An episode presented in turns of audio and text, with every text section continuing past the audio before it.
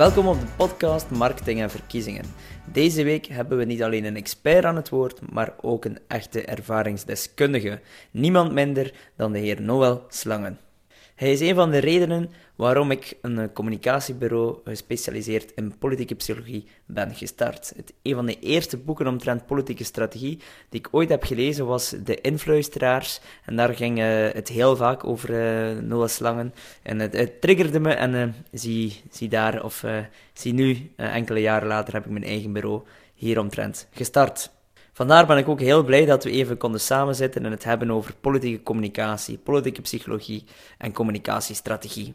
Ik wens jullie alvast heel veel inspiratie en opnieuw, als jullie achteraf nog wat meer informatie willen, dan kunnen jullie e-books downloaden op mijn website of stuur me gerust een mailtje voor een workshop via reinoud.exposure.be. Welkom op de nieuwe aflevering van de podcast Marketing Verkiezingen. Welkom op de podcast. Hallo.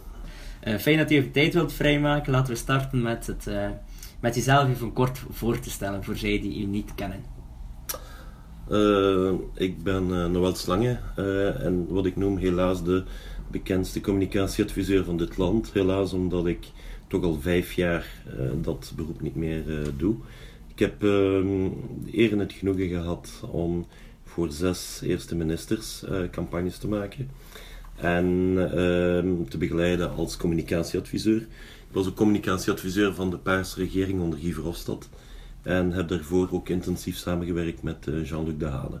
Nu, al die activiteiten waren uiteindelijk maar een heel klein percentage van uh, hetgeen wat ik beroepsmatig deed. Want ik had eigenlijk een communicatiebureau, een aantal communicatiebureaus met uh, afhankelijk van de periode een 30, 40 tal adviseurs. Um, waarbij we eigenlijk zowel in uh, België als Nederland bedrijven en organisaties en zo begeleiden in communicatievraagstukken. Maar daar ben ik dus vijf jaar geleden mee, mee gestopt. Maar het is natuurlijk wel zo dat men mij van politieke communicatie het meest kent, mm -hmm. van communicatie het tweede meest. Ja, en al de rest waarmee ik bezig ben minder, maar dat is normaal, denk ik. En hoe komt het dat je u zo het topic politieke communicatie heeft kunnen claimen? Ik denk dat uh, dat, dat kwam omdat uh, wij in een periode begonnen zijn dat, uh, dat die vraag heel sterk begon toe te nemen, terwijl daar eigenlijk niet zoveel mensen uh, mee bezig waren. Uh, maar ik denk ook wel dat het grote voordeel was dat toen ik met politieke communicatie begon, dat ik politiek aan geen enkel partij verbonden was. Uh, waardoor ik het eigenlijk puur rationeel, bijna wetenschappelijk bekeek. En mijn principe was toen dat ik, uh, dat ik voor alle partijen kon werken, tenzij behalve diegene waarvoor ik absoluut niet wilde werken. Dus mijn principe was dat bijvoorbeeld uh, ondemocratische partijen of zo was voor mij uitgesloten, maar voor de rest maakt het mij eigenlijk niet uit. Uh, omdat ik denk dat je een zekere afstand moet hebben om uh, goed advies te kunnen geven. Mm. En uh, hoe raak je, misschien wel interessant voor mij natuurlijk, hoe raak je tot zes eerste ministers? Reputatie, namelijk uh, op het ogenblik dat men ziet dat de, je strategieën en je campagnes verschil maken, dan, ehm, ja, dan wil men bij u zijn, omdat het, het, winnen of verliezen van een verkiezingscampagne heeft zeer grote impact voor partijen tegenwoordig. Zowel op het aantal verkozenen, de impact die ze hebben, als zelfs indirect op de financiering die ze in de toekomst krijgen. Mm -hmm. um, dus dat heeft heel veel impact en ja, dat betekent dat je veel vraag uh, hebt, maar het is toch altijd een moeilijke afweging. Ja. Het is trouwens zo dat uh, 2005 is intussen al de laatste keer geweest dat ik nog professioneel gezien een campagne gemaakt heb. En um, ondertussen dus ja, zes eerste ministers geholpen, advies, communicatie. En ja, waarom bent u tot, daar, tot zes ministers geraakt? Is omdat u het verschil maakt. Dan de logische vraag, welk advies geeft u dan om het verschil te maken? Dat varieert eigenlijk. Namelijk, um, het is niet zo dat je overal hetzelfde advies kunt geven. Maar um, als ik een rode draad mag trekken, dan is ten, ten eerste, je moet um, een goed zicht hebben op de positie die een partij inneemt ehm, in het landschap. En niet zozeer in wat de uh, journalisten schrijven, maar in het, in het waardekader eigenlijk van, uh, van de kiezer. Namelijk, waarmee identificeert hij zich? Waarmee identificeert hij zich niet? Uh, welk stuk van zijn identiteit vindt hij bij die partij? En rekening mee houdende ook dat politiek veel minder belangrijk is voor de kiezer dan dat de politicus of de pers denkt. Uh, politiek is onderwerp nummer 64. Na de vakantie, de studies van de kinderen, de afbetaling van de wagen, uh, de theatervoorstelling van volgende week of de voetbalvoorstelling hmm. van de week ervoor. Ik zeg uh, vaak aan een politieke partij of politici van een partij is vandaag de dag voor velen een scheldwoord. Ja, je hebt eigenlijk nog heel weinig politieke identificatie. En dat verschilt natuurlijk wel. Er zijn momenten geweest dat mensen zich heel sterk wilden identificeren met uh, een politieke partij. Maar die periode, ja, denk ik dat in de jaren 50, 60 of zo eigenlijk gekeerd is. Vandaag is het zo dat uh, iemand zich gemiddeld kan voorstellen voor twee en een halve partij te stemmen. Nu, dat betekent dat als je de kleine harde groep die een één uitgesproken voorkeur heeft, van pakweg 10% van de mensen eraf neemt, ja, dat je al vlug zit met drie, keuzes, drie mogelijke keuzes per kiezer. Uh, en dat blijkt dan ook dat bijvoorbeeld uh, als er gelijktijdige verkiezingen zijn, is het zo dat de helft van de kiezers voor twee verschillende partijen stemt. Mm -hmm. Dus die, die hele trouw en zo, uh, die speelt eigenlijk helemaal op die manier niet. Mm -hmm. um, en dat betekent natuurlijk dat een van de kernprincipes waarvan ik vertrok is, je moet oppassen dat je niet voor de eigen kerk aan het preken bent.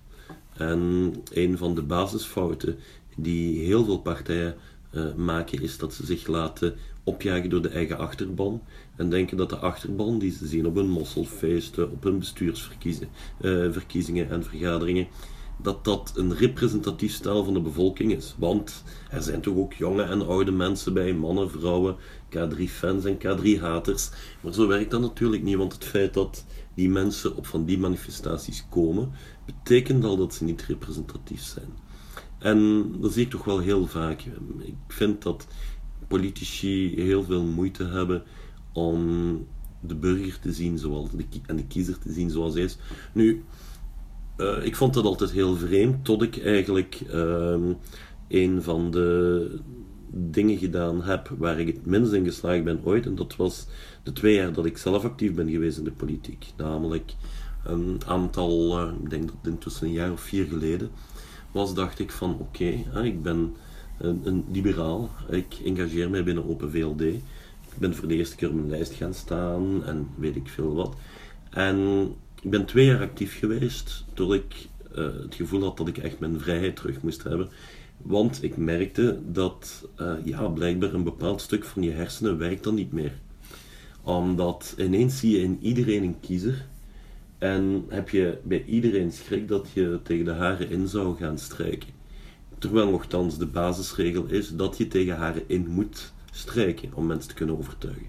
En als morgen, uh, als, als morgen 70% van de mensen tegen u is, is de kans reëel dat je een heel hoog resultaat haalt, want dat zou kunnen betekenen dat 30% voor je is. Terwijl in de andere gevallen gewoon 98, 99% van de mensen dat, uh, dat je hen koud laat. Mm. En uh, ja, je, zegt terecht van uh, rationeel en wetenschappelijk is zo, zo belangrijk. En ehm, eh, ja, ra rationeel, maar langs de andere kant, politiek is dan ook weer iets zeer emotioneel voor mensen. Um, hoe kijk je daar tegenover? Van, ik ben ook iemand die me zeer baseert op wetenschappelijke inzichten, maar net die wetenschappelijke inzichten gebruik ik ook om de communicatie meer emotioneel te kunnen maken. Waarbij ik niet wil zeggen Donald Trump emotioneel, mm. maar ook positief emotioneel. Obama was uiteindelijk ook zeer positief emotioneel. Maar ook, ook de emoties van een Trump zijn op zich ook te rationaliseren mm, absoluut, en vooral te kwantificeren. Ik geef uh, vaak het voorbeeld van uh, die scène uit uh, The Life of Wine, waar uh, er een grote massa staat en, en Brian zegt: Jullie zijn allemaal individuen. En die groep begint samen te scanderen: Wij zijn allemaal individuen, wij zijn allemaal individuen. En ik bedoel, ja. de, um, het is zeer opvallend dat gevoelens waarin men denkt uniek in zo te zijn, dat die heel vaak zelfs biologisch eigenlijk te verklaren vallen. absoluut, ja. en, en te clusteren vallen. Dus monkey see, monkey do fenomeen. Hè? Ja, dat betekent dat ratio, uh, de manier waarop mensen reageren, heeft uh, helaas voor wie het anders wilt geloven ook wel een, een, wetenschappelijke basis en heeft daarom ook een graad van voorspelbaarheid. Nu, ik zeg wel een graad van voorspelbaarheid, want die is natuurlijk niet volledig voorspelbaar, omdat um, in principe is het zo dat politieke marketing eigenlijk een soort contradictie in terminus is. Omdat in marketing is het eigenlijk zo dat je naar het publiek kijkt en dat je probeert om een product te creëren of je product op die manier aan te passen, zodat er een markt voor is. Politiek gaat eigenlijk net omgekeerd. Politiek vertrekt normaal gezien, of zo zou het toch moeten zijn, vanuit een overtuiging, vanuit een verhaal, van op eigenlijk de manier waarop men de wereld ziet, de oplossingen, de manier waarop de wereld gestructureerd en georganiseerd zou moeten worden. En vervolgens moet je proberen de mensen, de markt aan te passen aan je visie. Dat is een totaal omgekeerd gegeven. Omdat als gewoon iedereen zou zeggen wat de mensen willen horen, ja, dan is er geen onderscheid meer. En ik denk dat dat ook wel vaak het probleem is dat veel mensen vandaag met politiek hebben. Namelijk dat ze het gevoel hebben dat de mensen te veel naar de mond gepraat wordt. En ja, dat, is marketing, maar dat zou niet mogen gebeuren in de politiek, mhm. want dat uh, werkt niet. En, en uh, dan misschien, misschien interessant voor mij, maar is ook iets waar ik, waar denk ik volgens mij veel politici of politieke partijen en missen, is gewoon zeer simpel, ze tikken in in Google uh, social media tips en dan krijgen ze social media tips voor bedrijven, maar commerciële communicatie is iets helemaal anders dan politieke communicatie. Ja, en bijvoorbeeld een van de belangrijke elementen is dat uh, mensen verwachten duidelijke antwoorden en meningen, uh, maar die verwacht men niet van bedrijven. Mhm. Van bedrijven verwacht men dat bedrijven zich op andere manieren eigenlijk onderscheiden door, door, door een klantendienst of weet ik veel wat, mhm.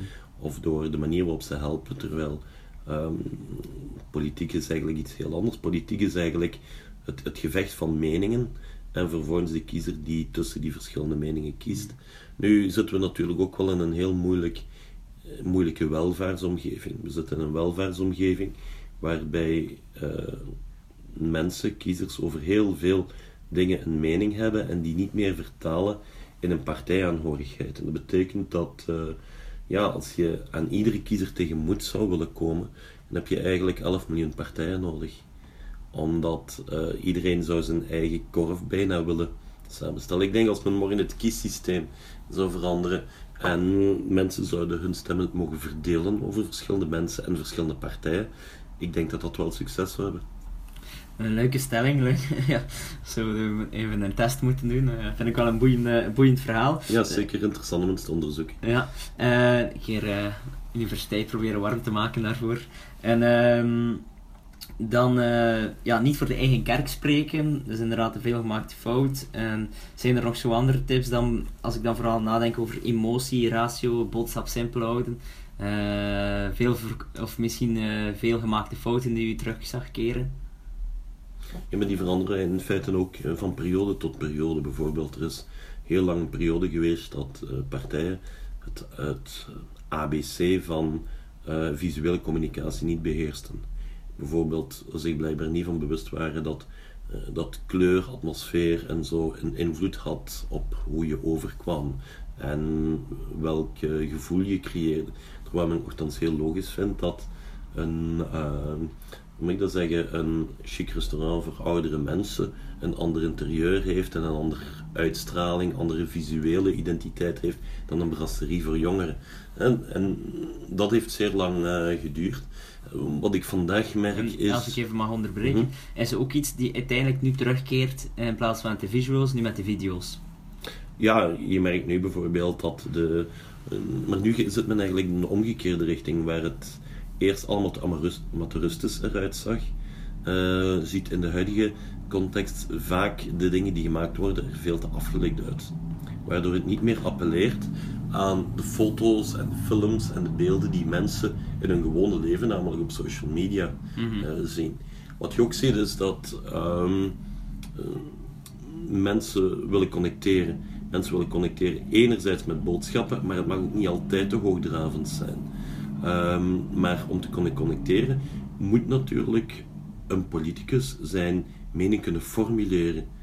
En ja, uh, helaas is de tijd uh, voorbij dat uh, men in het oude Griekenland op een kist kroop en daar de grote toespraken gaf. Ik, ik stel vast dat, puur als ik bijvoorbeeld kijk naar onze parlementen, dat 95% daarvan geen opiniestuk kan schrijven. Dat 95% daarvan geen speech kan geven. Dat 95% daarvan geen tweet kan schrijven die iemand wilt lezen. Wil dat zeggen dat dat onbekwame parlementsleden zijn? Nee, dat zijn heel vaak studaksen die heel goed hun dossiers kennen en daar vaak met details bezig zijn. de vraag die we ons wel moeten stellen is of de doelstelling van het, uh, het politieke debat is dat men met die technische details bezig zijn. Want ik denk dat het gevolg is natuurlijk ook dat wij vandaag met een overgereguleerd Vlaanderen zitten waarbij een eindeloze stroom nieuwe decreten, nieuwe wetten, nieuwe regels, weet ik veel wat, uh, komt. Dat komt net omdat het debat heeft plaatsgemaakt voor de techniciteit. En een van de mooiste voorbeelden daarvan is dat men de hele tijd bezig is over dat de parlementairen aanwezig moeten zijn in het uh, parlement en in de werkgroepen en weet ik veel wat. Eigenlijk zou men bijna een tikklok willen hangen. Terwijl er parlementsleden zijn die waardeloos werk doen, maar die permanent aanwezig zijn, maar die nooit met iemand in debat gaan, die nooit met de burger praten en weet ik veel wat. En die, dat technisch maken van het politiek debat, ik denk dat dat uh, de reden is waarom er heel veel disconnectie is met de kiezer. Want de kiezer begrijpt niet waarom, waarom dat nodig is. Net zoals je met een wagen, ja, wil je weten hoe die rijdt, wat die kan, wat die niet kan. Maar je wilt echt niet dat iemand de hele tijd in je kofferbak zit. Mm Dus als ik het goed begrijp, is de uitdaging erin om het technische verhaal te kunnen vertalen naar een concrete problematiek waar de burger van wakker ligt en die zich ook daarin herkent. Ja, namelijk het debat naar de keukentafel brengen. Mhm. Namelijk, hoe wordt het debat uh, aan de keukentafel gevoerd? Niet de argumenten, maar wat zijn de tegenstellingen? Wat men heel vaak verkeerdelijk denkt, is dat iets eenvoudig, iets wat eenvoudig uitgelegd is, ook een eenvoudige mening is. Dat is helemaal niet waar.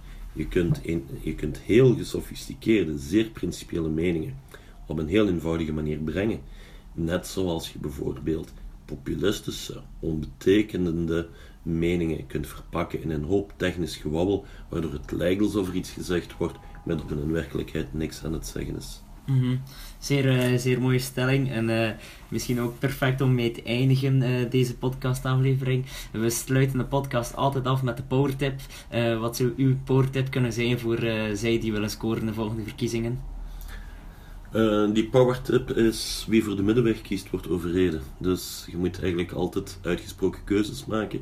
En soms denkt men dat als men geen keuze maakt, dat dat ook een oplossing is, maar geen keuze is ook een keuze heel mooi. Ik, ik vernoem het soms: kiezen is niet verliezen, kiezen is winnen. Heel mooi om mee af te sluiten. Dank u wel. Dank u wel. Ik hoop dat jullie het ook zo boeiend vonden. Als jullie nog meer informatie willen, neem dan dus zeker een kijkje op www.exposure.be. Ik deel er ook heel wat blogberichten over neuromarketing, sociale media en politieke communicatie. Laat mij gerust iets weten in de reacties via iTunes wat jullie van deze aflevering vonden. Zo kan ik nog meer inspelen op jullie interesses. En aarzel zeker niet om mij te contacteren indien je interesse hebt in een van de workshops. Wij geven heel veel fysieke workshops, maar ook heel veel online workshops. En alvast heel veel succes in alles wat je doet. Tot de volgende!